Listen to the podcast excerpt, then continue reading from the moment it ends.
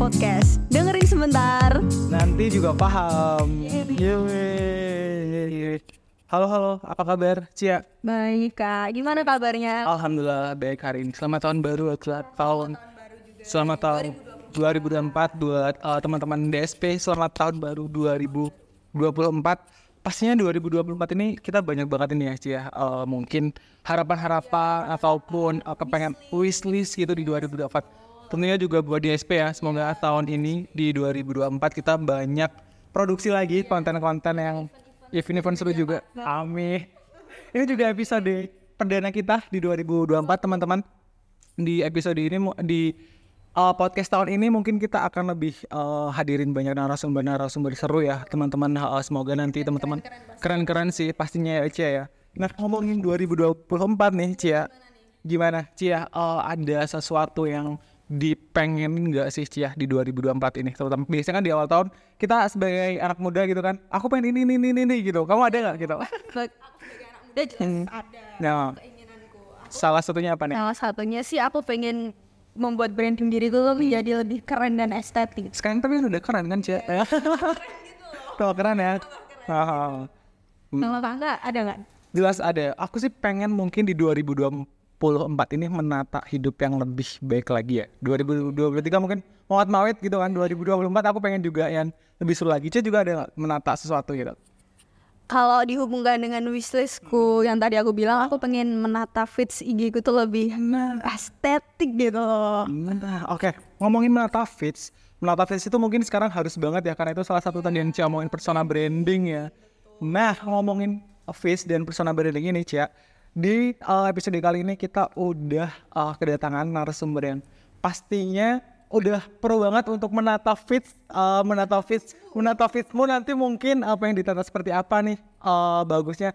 Hari ini kita udah kedatangan Gestar ya. guest star kita kita sambut aja satu dua tiga Waduh, Hai. halo, ini kamera sudah pindah ya. Gimana kabarnya, Mas Gimana mas? Galang? Alhamdulillah baik. Sehat. Kalian gimana? Baik, alhamdulillah. Jos. Jos. Jos. Eh, tadi kan di awal eh, kita udah oh, sedikit bridging gitu ya, sedikit eh, terkait tentang menata feeds Instagram gitu kan. Eh, mungkin teman-teman di sini juga eh, masih belum tahu siapa sih Mas eh, Galang ini gitu. Siapa sih? Apa kok? Apa hubungannya? Betul, hubungi- eh, menghubungi dengan feeds Instagram gitu terutama. Oke, gitu. Boleh dong Pak. Boleh kenalan Sama teman-teman. teman kami di DSP. Betul. Halo, aku Galang. Kebetulan aku punya usaha namanya Semur Kreatif yang bergerak di bidang sosial media manajemen sama branding. Itu sih mungkin singkat aja ya. Nanti kan panjangnya waktu kita mau betul. Iya kan? Betul. Oke, eh, Mas Galang adalah eh, founder dari Sumur Kreatif. Betul. Ini menarik banget ya dari eh, namanya aja Sumur Kreatif. Kenapa eh, pakai nama Sumur? Iya, apakah ada filosofi khusus atau ada singkatan khusus? Betul. Sumur kan identik dengan air ya Mas Galang ya. Oh. Hmm. Mendirikan agensi kreatif Kreatif. seperti itu. Eh sebenarnya nama sumur tuh ini sih me- mereferen sama masa kecilku gitu. Eh waktu kecil kan kebetulan aku cukup tua ya gitu. Kecil tuh. Iya gitu kan dan eh, apa namanya dulu aku lah itu di Ambarawa Semarang kan. Nah dari kecil tuh aku tuh siap sore sama pagi tuh terbiasa harus nimba air nih di sumur gitu kan. Harus nimba air. Nah kan kalau nggak nimba airnya tuh nggak nggak bisa masak air di dapur nggak bisa nyuci nggak bisa wudhu nggak bisa mandi gitu kan. Nah terus terakhir waktu memutuskan membuat usaha gitu aku kepikiran namanya gitu kan. Nah waktu itu emang mungkin belum belum musim ya pakai bikin usaha pakai nama istilahnya yang etnik lokal gitu kan masih nama yang lebih universal kan. Terus aku mikir waktu pulang aku pikir bikin usaha apa ya namanya? gitu. Pertamanya pengen namanya gal aja gitu. Gal kreatif. Iya gal kan nama dari lintas kan. Karena awalnya emang nggak nggak terpikir untuk bisa bikin studio ya. Awalnya pengen freelance aja gitu. Terus waktu ah enggak nih aku pengen pengen lah berba- pengen sama-sama maju sama be- beberapa orang gitu. Akhirnya bikin namanya sumur. Sumur itu singkatan dari sumber makmur harapannya ya kayak sumur itu gitu kayak eh, ketika ada airnya itu bisa bermanfaat buat orang bermanfaat buat kehidupan sumber kemakmuran gitu sih. Keren ya dari filosofinya. Pasti tidak kepikiran. Aku juga ketika eh, aku pernah ketemu segala yang diceritain ini kayak iya juga ya filosofis itu. Maksudnya nggak cuma sekedar nama aja tapi memang eh, ada, makna tertentu. Jadi enak nih kalau diinin. Berarti eh, Mas Galang udah berapa lama di Sumur Kreatif ini dari mendirikan sampai 2024 ini Eh, Sumur Kreatif itu berdiri 2019. Hmm, sebelum corona ya Iya betul sebelum COVID. Jadi 2019 awal eh, April. April gitu. 19 eh, ya itu di- masih di kamar kosan sih masih sendirian banget kayak kiper. Sendiri banget. Oh ya. nungguin ya Iya sendirian pokoknya gitu. Hmm. Berarti eh, enam tahun, eh hampir enam tahun ya, lima, Lima lima. lima ya, lima. lima tahun ya, cepet banget ya 2019 itu lima tahun. Beda lima tahun ya lah. Ya skip ya kita dua tahun tuh kayak skip ya. So fast semuanya kayak itu. Udah Udah dua lima tahun. Tapi justru malahan pandemi tadi ya Mas ya di 2020 2020 sampai 2022 awal ya berarti pandemi itu justru malah eh, kita lagi kencang-kencangnya main sosial media nggak sih? Iya nggak sih? di rumah. At, stay at home terus gitu kan? Tuh. Nah, bisa nih Mas diceritain suka duka dari 2019 sampai 2024 nih dalam bangun sumur kreatif ini. Terutama saat pandemi tadi ya, Cek. Apa itu momentum Oke, pandemik ya. Pandemik tuh bener-bener apa ya kayak kalau kata-kata hyperbolanya itu mendewasakan lah. Bener-bener itu tuh pendewasaan diri, pendewasaan studio kita juga di sumur gitu. Karena kan eh, cerita sedikit ya flashback 2019 itu aku bikin sumur masih sendirian banget tuh. Dari gimana kayak gitu jagain gitu Kak, sendirian. Pokoknya sendirilah gitu dan itu masih di kamar kosan sebenarnya. Terus eh, 2019 berjalan, baru tuh 2020 tuh eh, di depan kosanku tuh emang ada rumah tuh udah dikontrakin gitu. Nah aku baru tuh mulai pindah ke situ. Itu mulai baru ada tiga tim aku. Akhirnya ada tiga tim. Heeh, ada tiga tim tuh. Akhirnya udah nggak sendirian banget gitu. Nah pindah tim sewa studio agak nekat juga ya kan. Namanya juga modal dengkul. Lagi beberapa bulan berarti kan Januari pindah studio baru. Februari itu udah mulai denger ada COVID gitu kan. Cuman kan infonya nggak sampai Indonesia ya. Waktu itu kan awal-awal nggak sampai nih nggak sampai Indonesia nih soalnya Indonesia panas gitu kan. kebal apa pun. Iya. Ya meskipun nggak mungkin juga nggak sampai gitu kan. Jadi waktu itu prepare-nya cuman karena awalnya banyakkan partner kerja kita tuh di Jakarta, akhirnya aku mulai men- bukan stop tapi kayak membatasi.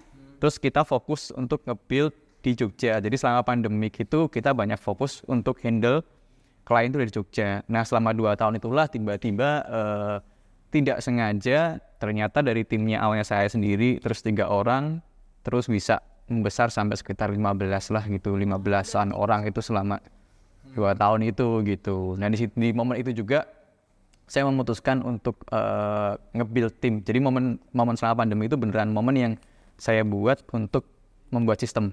Karena kan eh, pasti eh, waktu itu saya memperkirakan bahwa setelah pandemi pasti orang akan gas-gasan kan. Nggak cuma orang tapi brand itu pasti akan gas-gasan lah gitu. Pasti akan kenceng. Nah eh, kalau tim ininya nggak kuat nih, timnya nggak kuat, pasti nanti akan goyah kan. Nah ya udah alhamdulillah sama dua tahun tuh kita eh, beresin lah timnya, kita bikin strukturnya gimana, sistemnya gimana, workflow-nya benerin. Ya suka duka ya gitu yang namanya kita kan sama diri kita aja kadang berdebat ya. Iya.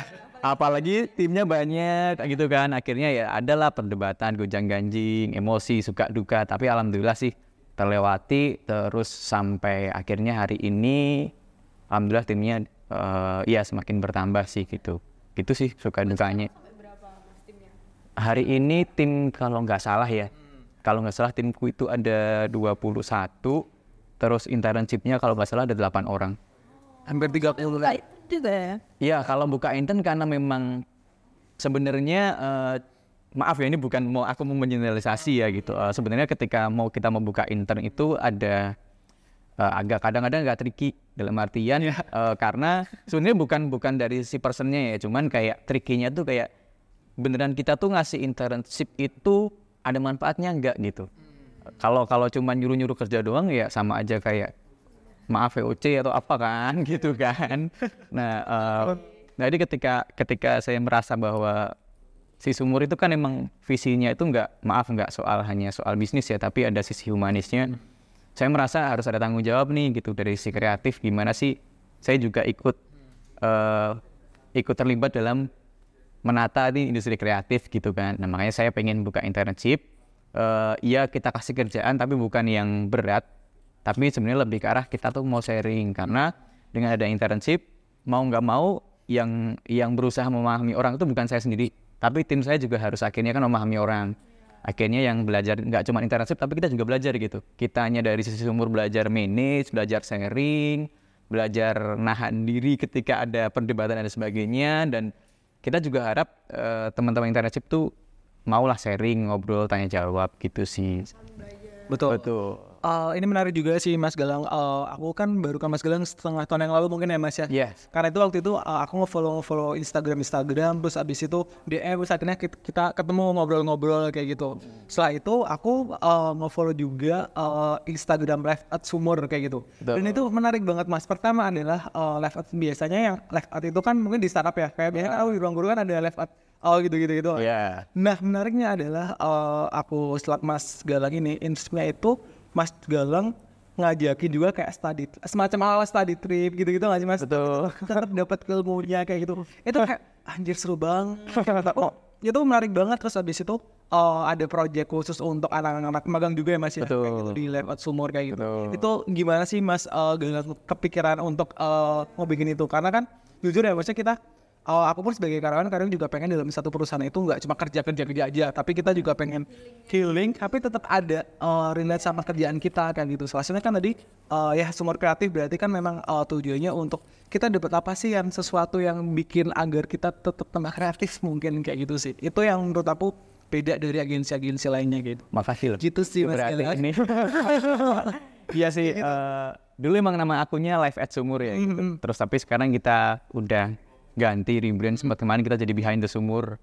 eh, B- PTS singkatannya gitu. Eh memang kenapa akhirnya kita bikin si akun itu gitu karena akunnya Sumur ini eh, Sumur ada dua akun utama ya si Sumur Kreatif sama si Behind the Sumur dan kita memang mengemphasize-nya Instagram aja gitu belum sampai platform yang lain. TikTok main sih cuman kayak eh, itu tuh TikTok tuh beneran kayak Tricky. bukan tricky tapi kayak media media media buat teman-teman terserah mau bikin apa gitu. Maksudnya refresh mereka mereka nemu tren apa ya udah juga juga sendiri ngapain gitu. Ngu- ngumumi lah kalau kata wong Jawa tuh kan ngumumi pokoknya the way kan gitu. Ada gitu. nah tapi kalau behind sendiri kita pengen pengen showing ke orang bahwa gimana sebenarnya sih di dalam sumur sendiri itu. Karena kan orang taunya ketika kerja di agensi ya maaf bukannya mengeneralisasi sekali lagi semua agensi enggak tapi eh, pasti kan di agensi itu stressful ya. Saya di saya mulai kerja itu 2000 saya mulai terjun di dunia desain itu 2009 SMP kelas 3 jadi emang saya sering bolos jangan contoh saya sering bolos sekolah itu dulu. Kalau SMP saya sering main ke percetakan belajar desain undangan. Terus mulai beneran kerja itu SMK kelas 3 jadi teman-teman saya tutor saya bolos. Karena kerja itu kan.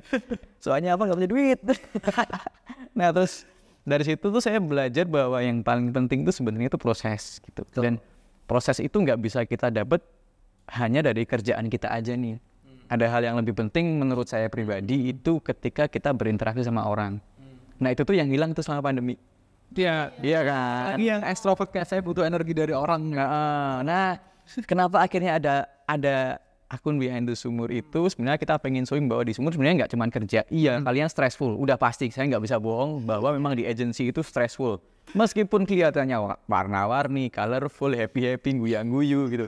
Tapi di dalamnya juga aja berantem lah, ya kan? Ketika brainstorm berantem, debat, nangis, ntar stres ya senyumnya waktu gajian doang besok pagi udah habis lagi buat cicilan gitu kan nah cuman di behind behind di sumur tuh kayak apa ya kayak aku tuh pengen nunjukin bahwa seharusnya di agensi itu kalian nggak cuman memperkerjakan orang gitu. Cuman kalian juga harus mempersiapkan mereka gitu.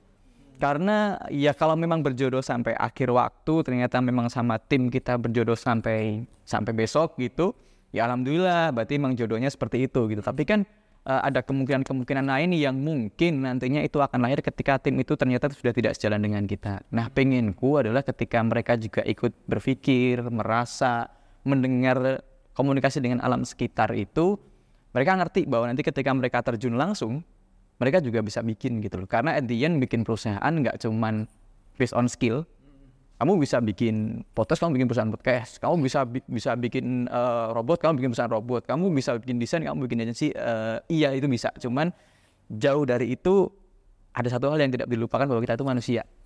Dan kita harus hidup sama orang lain. Nah itu yang pengen aku tunjukin di sumur bahwa dalam satu agensi harusnya kita tuh kerja kelompok. Jadi semuanya terlibat makanya itu harus kita sering main ke museum. Kalau pernah lihat kan main ke museum kita outing ke pantai kita ada kadang-kadang makan-makan nggak jelas beli snack beli ke burjo lah beli es teh gitu. Ya meskipun kadang-kadang apa ya kalau orang Jawa bilang grundel eh tuh teh dong. Ah enggak ini ini ini tapi ujung-ujungnya ya, tapi itu kok gelem. Ujung-ujungnya mangkat juga gitu. Tapi ya menurutku itulah yang menjadi dinamika ya. Itu yang harusnya mungkin beberapa perusahaan juga menerapkan itu supaya nggak terlalu kenceng kan. Karena kan kerja kan mikir udah capek ya. Kalau eh, habitnya juga kenceng pasti bertabrakan ya kayak sungai aja tuh kan batu kan keras kan di sungai itu. Dari dari gunung itu kan batunya kan bongkahannya keras. Tapi karena dia di sungai kena air jadinya lebih landai. Jadi bulat-bulat kan. Ya kayak gitu ketika kita udah keras di pikirannya harusnya habitnya komunikasi sehari-hari kalau bisa dilandaikan. Biar seimbang. Gitu sih keren banget memang itu yang aku tanya sisi humanisme tuh udah bener ya Allah. Kita berdoa aja ya di SP semoga seperti itu ya nanti sama David. Bisa bisa sih bisa. Semoga bisa menerapkan eh, tadi yang diterapkan di Subur juga ya seperti healing bareng kita jalan bareng. Karena jujur saya juga di SP jarang jarang kita jarang. Gitu sih. Eh, Oke, mungkin ini sih mas, eh, aku juga eh, tadi ya eh, terkait uh, staff-staff tadi ya, aku pengen namain juga sih. Di sumur itu, kalau aku balik lagi ya, kita bandingin agensi lain. Agensi lain itu biasanya kalau misalnya ngepas di feedsnya mereka, itu tuh portofolio, ya nggak sih? Hasil kerjanya udah kerja sama sama siapa sih, kayak gitu kan. Misalnya sama brand-brand gede, kayak gitu kan. Karena memang eh, mungkin tujuannya ya aku udah ngerjain brand ini nih, brand kamu mungkin eh, bisa kita bantu juga kayak gitu. Tapi kalau di sumur, kalau aku lihat dari awal sampai eh, ya sekarang ini itu lebih ke teks ya, C ya. Kalau eh, kita lihat di, kopi lah ya copywriting ya Iya, padahal tahu sendiri ya, tuh, eh, kalau misalnya kita tuh mungkin ya mungkin sebagian dari kita ada ya, mas baca deh, pengennya kan visual kayak gitu kan. Iya kan, nonton aja eh, visual aja jelas kayak gini. Tapi kenapa di Sumber memilih untuk eh, di feeds Instagramnya tadi adalah menggunakan teks tersebut? Iya. Kenapa tuh? Salah saya yang kenapa? Tidak. Karena kan nulis juga cukup butuh salah inspirasi inspirasi nggak sih Cia? kayak iya salah harus harus kalau aku jujur kalau bisa nulis ya kita mungkin harus benar-benar yang enak nih tempatnya apa dikasih fokus tapi mau ngomongin apa ya di sini gitu kan diar diari mungkin ya Iya. kenapa di di uh, seperti itu Hmm. Eh, mungkin sebenarnya kalau dijelasin bakalan bisa panjang nih kuliah nama SKS. Apa? Gak ada sih, gak ada. Eh, tapi sebenarnya eh, dulu awalnya sebenarnya sebelum memutuskan buat bikin feeds yang seberantakan itu gitu, eh feed kita juga sempat nampilin portofolio di awal-awal gitu. Cuman akhirnya saya bersihin tuh, saya bersihin itu kalau nggak salah 2004 eh enggak 2020 atau 2021. Jadi pas momen lebaran saya hapus semua waktu pandemi sebenarnya itu gitu. Jadi eh, bukannya nggak works tapi saya melihat kayak di dunia ini kan ada yang namanya Pinterest, Behance dan lain sebagainya dan mereka tuh keren-keren banget. Iya kan? Dari sisi visual tuh mereka keren banget gitu. Cuman eh akhirnya waktu pandemi itu pandemi mengajarkan saya satu hal Apa lagi nih mas? bahwa manusia itu sebenarnya bukan bukan bukan bukan orang yang rindu ketenangan gitu, tapi itu butuh benturan kan. Kita tuh kan butuh emosi, butuh bertabrakan gitu. Iya kalau tenang gini kan enak nih. enak Cuman kamu bayangin nggak tenang gini seminggu. Stres kan, stres kan gitu. Nah orang tuh butuh adanya sebuah per- sebuah tabrakan, sebuah sebuah apa namanya, sebuah benturan gitu. Kayaknya saya sempat berpikir bahwa eh, tenang itu adalah berisik, eh, tenang itu adalah berisik di masa kini, sedangkan berisik itu adalah ketenangan yang baru.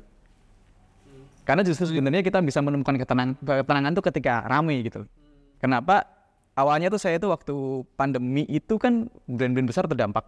Jakarta sepi, kota besar sepi. Jogja tuh iya sepi, tapi kamu ke pasar tuh tetap hidup. Angkringan ya tetap jalan kan. Kamu ke sawah tuh lihat Pak Tani tetap gue macul nggak pakai masker gitu kan. Atau saya tuh itu ke pasar Prawiro Taman. Nah, saya belanja tuh beli bahan makanan mau masak kan. Nah, waktu saya lewat los los kan biasanya los los ikan, los los sayur gitu kan. Nah, ketika kita lewat tengahnya tuh kayak jelek tuh aku lihat visualnya. kok rak sinkron sih gitu. Nah tapi waktu aku naik ke lantai tiga, aku lihat bawah tuh kayak loh, ketika ini ada ikan, ada sayur, ada daging, ketika itu lihat dari atas itu berantakan tuh kok indah ya, kok bagus ya gitu. Nah sebenarnya yang membuat itu indah tuh karena berantakan dan dilihat dari jauh kan. Nah akhirnya key visualnya adalah rasa, bukan warna kan, bukan identitas. Nah kalau itu yang akhirnya aku terapin di sumur. Kita kalau lihat postingannya sumur tuh satu fits dengan lain mungkin beda-beda, beda banget. Tapi ketika kamu lihat satu dengan lain rasanya sama oh ini sumur ya gitu. Iya. Nah itu yang pengen aku tunjuk. Jadi kalau fitnya sumur tuh kalau kita lihat full overall baru bagus. Tapi kalau satu-satu mungkin nggak. Sama kayak kita ke pasar. Jadi lihat harus dari atas, lihat semua jadi bagus. Nah kenapa bermainnya fokus ke arah kopi? Karena jujur eh, saya agak sedikit prihatin dengan minat baca yang rendah. Jujur aja ya, maaf ya ini maaf gitu. Maaf ya karena dulu ketika mainnya kopinya tuh di caption itu nggak nggak works gitu nggak nggak jalan akhirnya eh, based on riset juga ternyata orang tuh lebih suka ngelihat gambar kan daripada baca teks terus aku coba aja kenapa nggak gambarku tuh ada tulisan kan sama aja itu. Daripada aku bikin caption yang panjang mendingan aku bikin carousel. Karena Instagram waktu itu sudah ada fitur carousel akhirnya. Jadinya aku bikin teksnya tuh di image. Nah ternyata setelah itu eh, jalan tuh. Lumayan engage-nya lumayan naik gitu. Tapi kenapa nggak pernah upload portofolio? Gitu kan? Nggak pernah upload portofolio malah nguploadnya sak karep karepnya kan. Kopi lah. Kalau kita lihat postingan semua tuh bahasanya lebih bahasa bahasa maaf ya. Bukannya gimana kan agak ada agak berfrase berfilosofi gitu kan ada pesan-pesan karena emang sebenarnya saya sendiri sebagai pelaku kreatif kita ketika mau nyari literasi itu susah karena kadang bahasanya Inggris kan Nah, sebenarnya konten sumur itu juga serapan dari bahasa-bahasa internasional, bahasa Inggris, yang akhirnya saya coba tarik ke dalam bahasa Indonesia biar lebih deket. Tetap relate sama audiens. Jadi kayak dari ketika kita ngomong branding, pasti mungkin di kata kita oh logo dan lain sebagainya. Cuman kan kalau misalnya saya kasih analogi, branding tuh kamu gitu. Misalnya si Angga, brandingnya tuh ini ada Angga tuh brand gitu, produk tuh Angga, brandnya si Angga, nama brandnya atau logonya ya si Angga namanya gitu. Nah kemudian eh, komunikasinya gimana ya cara dia ngomong, Nah, gitu. Personalnya seperti apa? Ya personalnya baju dia gitu. Iya kan, key visualnya apa ya yang dia pakai setiap hari gitu. Nah ketika aku bikin analogi seperti itu orang tuh lebih mudah memahami gitu. Jadi tidak berarti di satu titik. Nah akhirnya eh, kenapa kita nggak upload portofolio juga itu karena ya tadi bener sih agensi lain tuh nggak portofolio. Dan keren-keren gitu. Nah aku ngerasa kayak portofolionya sumur tuh opo sih iki lah gitu kan. Eh, ora lah aku kayak kayaknya nggak juga. Karena itu tadi di Bian sudah banyak di Pinterest sudah banyak gitu. Terus kita mikir ini kan kolam lautan. Ini ini tuh aku menggambarkan sini agensi penyedia jasa di sini pasar di sini brand kan. Nah brand tuh kan pasti mencari pasar kan mencari orang buat pasarnya itu nah kalau agensi langsung ke brand berarti kan dia melewatkan ini. Nah saya daripada langsung ke brand saya mending mengemphasize pasar. Jadi ketika brand cari siapa sih yang paham pasar? Oh sumur. Jadi saya nggak melewati si audiensnya karena saya hidup dari pasar juga gitu. Jadi saya me- justru pengen me- apa biar dikenal pasar supaya brand itu tahu oh siapa sih yang bisa bikin gitu. Daripada saya jualan ikan tongkol tuna umbur-umbur lah gitu mendingan saya memahami lautannya sekalian. Kan gitu. Gitu sih. Jepur jepur sekalian gitu ya. oh, oh, gitu. Ya wes jegur jegur sekalian daripada cuman jualannya aku jualan ya misal jual sosmed tok jual logo tok jual apa tok kan kayak ini jual ikan jual apa jual apa kan. Cuman saya bilang oh ya kalau kamu eh kamu ngerti ini nggak sih? Eh mas ini kalau misalnya mau nyari ikan tuna di mana? Oh ke sana nih saya antar ke sana gitu. Mas kalau mau mancing ubur-ubur ke mana sih? Ayo antar gitu. Jadi saya bisa mengantarkan mereka ke sana tuh. gitu sih. Dan kopi itu kenapa saya suka banget kopi? Karena kita kan nggak abadi ya. One day kan kita akan pulang gitu. Kalau kita lihat dari masa lalu yang sampai ini tidak mati kenapa Empu Gandring nggak meninggal? Kenapa Raja-Raja Brawijaya itu nggak meninggal gitu? Karena mereka punya pasasti ya. Semuanya ditulis. Oh, ya kan? oh jejak digital yang tetap bisa diiniin. Sampai mungkin berapa tahun ke depan Bener. Jadi saya berharap ketika saya kan nggak tahu nih usia sampai kapan gitu. Jadi ketika saya berpulang ya saya berharap Ya. "Eh, eh, apa yang saya tulis itu masih bisa bermanfaat gitu sampai besok itu doang sih sebenarnya sih. Istilahnya nih nggak nggak cuma di saat itu aja mas ya. Betul. Eh, apa kan sampai kapan pun itu tetap punya fun kayak gitu ya mas. Betul banget. Gitu sih. Keren sih keren. Ya sorry ya kalau sumur emang agak filosofi gitu. Sebenarnya itu yang menarik ya. Sebenarnya itu yang memang eh semua sampai sekarang ini gitu sih Mas itu. Ya, sangat keren. Terus tadi ngomongin yang soal bentrok-bentrok itu sih mas, aku tuh penasaran kayak kan agensi, agensi itu banyak orang-orang kreatif dan orang-orang kreatif tuh kayak banyak ide-idenya gitu loh. Terus dalam mengatasi bentrok-bentrok itu apalagi kan udah hampir lima tahun nih pasti kan nggak cuma sekali dua kali kan bentroknya Betul, tiap hari ya. tiap hari. Itu gimana sih mas solusinya? Apalagi saat misal mau ngerjain sesuatu project nih, kayak aku nggak suka gini nih. Nah ada nggak sih solusinya? Eh, solusi buat pekerjaannya atau maintenance teman-teman di sumur nih? Ya dua-duanya sih mas. Oke, kalau kalau sebenarnya ketika maintenance pekerjaannya kan sebenarnya sebelum kita mulai bekerja pasti sebelum kita mengerjakan sebuah proyek kita udah ada guideline ya. Dari guideline yang kita sepakati di awal, ya udah kerjanya tidak keluar dari itu gitu. Nah, biasanya yang apa? Yang sering jadi challenge itu adalah di tengah jalan. Karena kan akhirnya dari sumur sendiri nggak nggak tidak hanya perdebatan itu tidak terjadi antara hanya tim saja. Pastikan dengan klien juga gitu. Nah, memang eh, yang jadi challenge sebenarnya adalah bagaimana pekerjaan kita itu bisa tetap inline dengan apa yang digaitkan di awal dan juga bisa mengkomunikasikan itu sama eh, klien kita. Jadi bisa tetap inline jalannya gitu barengan kayak gitu. Nah, untuk bisa mengatasi perdebatan itu gitu itu sendiri gimana? Ya memang eh, itu kesalahan saya dulu kesalahan saya juga gitu. Mungkin bisa jadi pembelajaran. Dulu saya itu terlalu kalau ada beberapa teman yang ngomong kamu terlalu terlalu soft sama tim gitu. Akhirnya tim eh, nggak bisa mengambil keputusan sendiri gitu. Karena katanya kan orang yang orang yang hebat tuh bukan orang yang bisa melakukan banyak hal, tapi orang yang bisa melakukan pertimbangan kan. Nah makanya ketika saya memutuskan buat lebih strike, jadi saya lebih lebih galak lah gitu, lebih sering marah gitu. Istilahnya sama teman-teman, eh, akhirnya teman-teman bisa tahu at least pola pikirnya gimana sih. Nah caranya gimana ya kita harus sering adain kelas. Makanya kadang mungkin kalau lihat behind the sumur tuh kita sering ada brainstorming, ada kelas brainstorm, kita ngobrol, oh cara menyelesaikan masalahnya gini loh gitu. Nah itulah kenapa saya juga sampai hari ini pun tiap hari masih belajar karena eh, ketika saya belajar kan teman-teman juga belajar dan pasar juga semakin belajar kan gitu. Nah makanya setiap dua minggu sekali itu biasanya kita ada rutin sharing session gitu bareng tim. Heeh, ber- jadi eh, memang nggak gampang sih di awal tuh pasti tiap divisi kan kita ada beberapa divisi ya. Tiap divisi punya egonya masing-masing gitu. Tapi ketika yang paling susah tuh sebenarnya bikin formula. Formula agar mereka mengikuti yang diterapkan Mas Belal. Iya kayak inline kayak tadi misal eh, misal ini di podcast pasti kan udah punya eh, misalnya yang ngelit siapa nanti kamu harus set kameranya itu pokoknya gini ya terus kualitas audionya segini kamu MC harus gini nah itu kan eh, kalau dari si leadnya itu menentukan guide biasanya nanti dari beberapa timnya kan ada kasih masukan gini ini gini dari dari si headnya juga harus mendengarkan itu jadi gimana caranya biar masukannya itu bisa masuk Nah itu tugasnya siapa ya kalau di sumur tugasku. Jadi tugasnya ngelit di satu organisasi atau badan memang di situ gimana kita bisa nggak keluar dari pakem brand tapi tetap bisa mendengarkan aspirasi dari timnya itu sendiri gitu sih. Yang susah itu emang di situ. Soalnya perdebatan itu justru yang membuat eh, hidup sih. Kalau yang perlu diwaspadai adalah ketika kita ada pekerjaan dan di situ nggak ada komentar. Nah, Itu bahaya sih, itu bahaya sih. jadi kita merasa ini udah bagus ya berarti lu nggak komen gitu. Heeh. Ya ternyata enggak gitu. Karena enggak berkomentar itu antara udah bagus atau wes wegah wae kan gitu.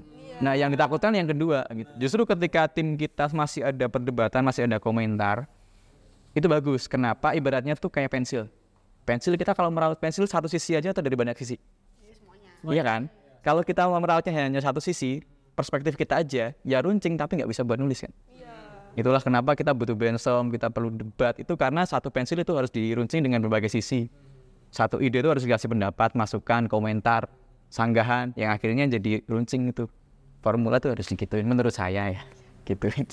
Lagi-lagi aku terpukau. Malah keren banget.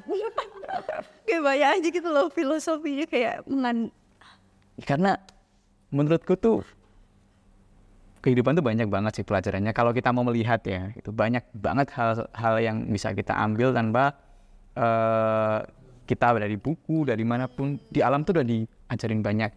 Nah, itulah kenapa sumur tuh seneng banget kan outing ke alam, main ke sana ke sini karena ya saya berharap teman-teman tuh sisi humanisnya lebih terangkat lah gitu kan paling sentuh soalnya ayam sumpah ayam itu ayam banget sumpah kalau bisa bersinergi dengan kehidupan tuh ayam gitu sih. Keren banget ya. Terus aku mau nanya lagi nih mas, dari kan tadi udah ngomongin perdebatan, terus ada nggak sih menurut Mas nih tantangan di 2024 nih terutama di sosial media, apalagi kan dengan di sumber kreatif tuh kayak menonjolkan buat kopinya ya. Iya.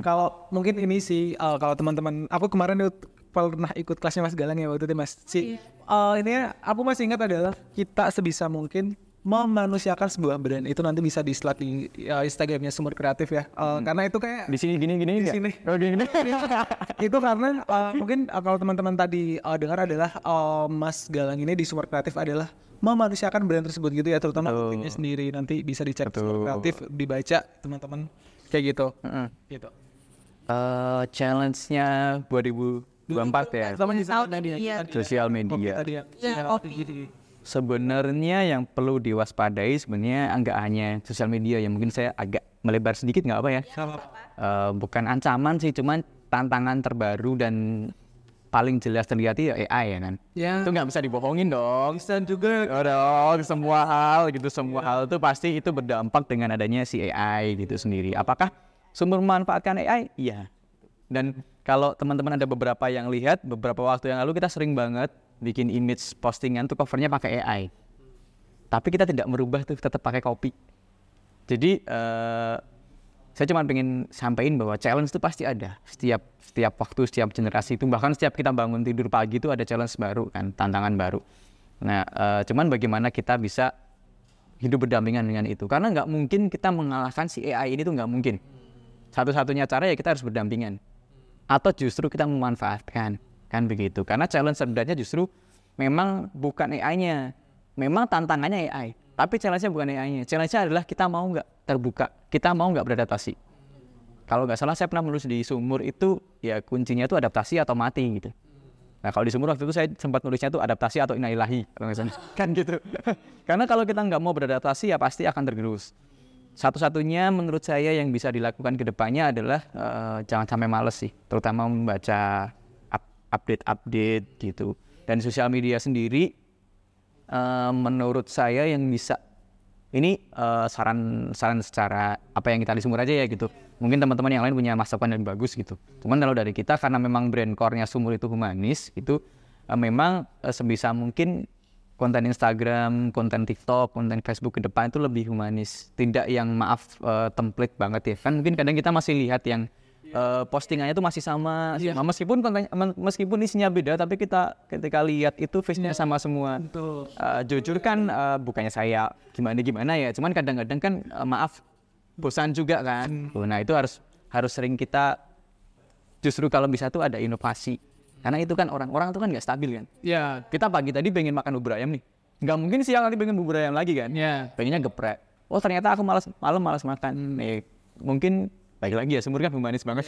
Kita tuh selalu men- mencari formula-formula itu dari pola pikir manusia yang kita terapkan di sosial media gitu. Seolah-olah si sosmed itu bukan akun digital tapi dia tuh anak gitu loh. Nah, ya wajar ketika yang namanya anak kamu baru bikin akun seminggu kok langsung jaluk follow like saya gitu kan nggak mungkin gitu kan. Ya kecuali cipung. Kan udah langsung sih mas biasanya. Itu beda kan? Itu beda beda beda beda sistem gitu nah kalau kita bikin eh, akun sosial media dan baru berjalan ya sabar aja. Kayak kita kan orang tua kita melahirkan kita kan dari kecil juga nggak langsung suruh kerja kan. Masa iya orang tuanya anggap baru lahir nangis paginya eh kamu bikin podcast kan nggak mungkin kan harus harus sekolah dulu sampai kuliah sampai siap Iya kan, eh, lebih dari kepala dua baru akhirnya berpikir mungkin kebutuhan hidup, mau ngapain, ya sama akun akun sosial media kita juga harus gitu sih. Challenge-nya adalah nggak cuman bagaimana kita berhadapan dengan teknologi, tapi berhadapan dengan kitanya sendiri. Kita, kita mau nggak menerima proses itu. Nah proses itu bisa dipercepat atau diperlambat, tergantung strategi yang diterapkan. Itu sih.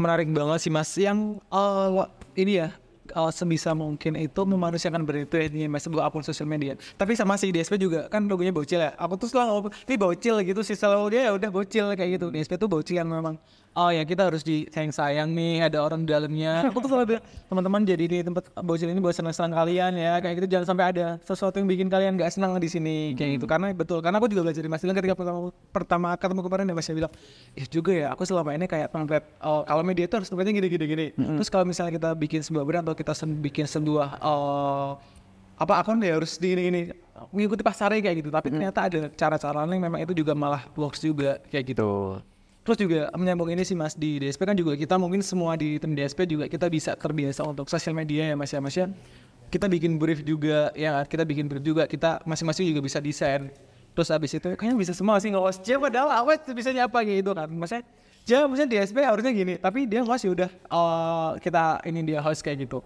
Seru banget topiknya. Eits, tapi tunggu dulu. Audionya terpotong nih. Nggak apa-apa ya. Maaf banget. Janji, kita nanti ganti pakai konten lain tentang Mas Galang. Tagih kita di Instagram deh. Di dengerin sebentar podcast. Kita lanjut ke next topik dulu ya. Eh, apa namanya mengedepankan istilahnya budaya literasi kayak gitu ya budaya literasi tapi banyak dari aku pun juga ya sih sebenarnya Aku sih enggak. aku mengakui kadang aku juga nggak literasi itu diperlihatkan sih mas. iya benar lu tahu lu Iya, nggak tahu. oh iya iya iya. Itu lagi oke oke Oke lanjut mas.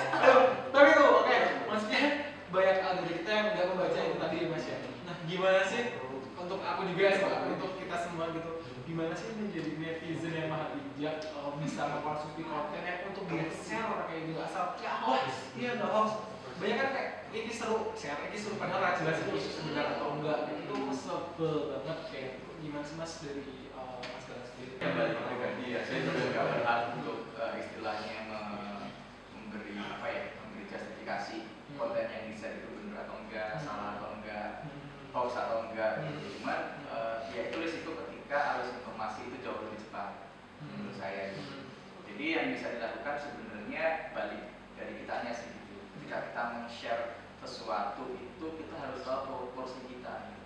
kayak siapa sih kita gitu kalau sampai kita itu memang sosok yang punya pengaruh cukup penting atau suaranya bisa didengar eh, ya sebisa mungkin apa yang kita bagikan itu jangan sampai menimbulkan pertanyaan dua kali kan gitu. Dan baik lagi sebelum kita mencari kita harus cari datanya. Cuman kan memang males ya mencari data itu Iya, rasa masih asing sih. Soalnya kan baru pertama kali ketemu sama Mas Galang kan. Terus habis itu aku ngobrol di sini jadi MC gitu kayak. Ah, banyak banget yang bisa dipelajari dari beliau. Kayak filosofi. beliau lo tuh apa padahal dia ya menghormati gitu kan menghormati makasih loh ya sama-sama itu sih jadi banyak banget yang bisa aku pelajari apalagi filosofi filosofi kehidupan gitu kayak wow keren gitu sih kalau kalian gimana Aduh, tentu aku sama-sama berterima kasih. Aku sangat berterima kasih juga 2023. Aku tuh selalu berharap bahwa semoga di tahun baru itu oh, apa bisa ketemu orang baru, kita bisa sering-sering ya. Ujungnya pasti kita marketing gitu ya. Karena tapi tapi memang aku pengen, maksudnya aku pengen uh, obrolan itu nggak cuma aku aja yang tahu, tapi semua teman-teman tuh tahu gitu. Iya, Yang bisa satu terbuka gitu. betul. Itu sih yang aku kepengen banget itu. Itu sih ya mungkin ya Cia ya. Uh, obrolan kita di di episode kali ini uh, sebenarnya tadi siapa nih dipuji siapa juga dipuji aku makasih banget uh, buat uh, Mas Galang kita udah ngobrolin tentang sosial media dan bagaimana isinya terus tadi Mas Galang juga tentang sumber kreatif bagaimana isinya ini buat netizen netizen juga harus didengerin ya. Didengerin terus habis itu tadi kita bisa udah dikasih Mas Galang kayak gitu bisa diterapin ke sosial media mungkin di SP juga nih tadi ngelola sosial media yang bagus seperti apa kayak gitu. Bisa dicatat juga eh, itu penting banget. Itu sih yang mungkin dari Iya, dari Mas banget. Galang mungkin ada sesuatu yang pengen disampaikan. Cukup tentang podcast ya gitu aku juga aku senang banget jujur. Karena aku juga orang senang sharing gitu. Saya berharap tuh eh, semakin banyak orang yang lebih aware tentang humanisme Betul. lebih, mau lebih care sama sama kita nggak cuma buat diri kita aja gitu. buat teman-teman di luar sana sih nggak pengen ini ya pesan cuma yakin aja ya kan aja sesuai tagline-nya semua ya betul makasih sekali lagi makasih buat buat Mas Galang udah menempatkan hadir di episode kita di 2008 dibuka oleh Mas Galang. Awalnya Mas Galang. Masih tahu lah nanti 2024 kayaknya siapa lagi yang paling keren-keren wes. Ini juga buat kita nih lagi di mana sih? Ah, iya dari Ja baru ini ya. Iya, aku baru pertama kali ke sini tadi aku nyasar. Aku juga. Waduh, waduh. Kita baru nyasar. Ya, Bapak juga makasih banget buat dari Bapak ya. Uh, Insya Allah podcastnya di SD bakal terus. Pasti umatnya kita harus terus. Semoga ya dilancarkan ya. Amin. Uh, aku juga makasih buat Mas Galang, buat uh, teman-teman produksi di SD semuanya. Semoga episode kali ini bisa menyenangkan dan tetap bermanfaat. Jangan lupa juga uh, di SD tahun ini bakalan uh, segmen-segmen yang ada. Banyak. Habis episode ini kita juga akan ngomongin segmen kita selanjutnya banyak ada perubahan, dari sebentar dari konser. Jadi nggak cuma nonton konser terus nih seperti SP tapi juga aja.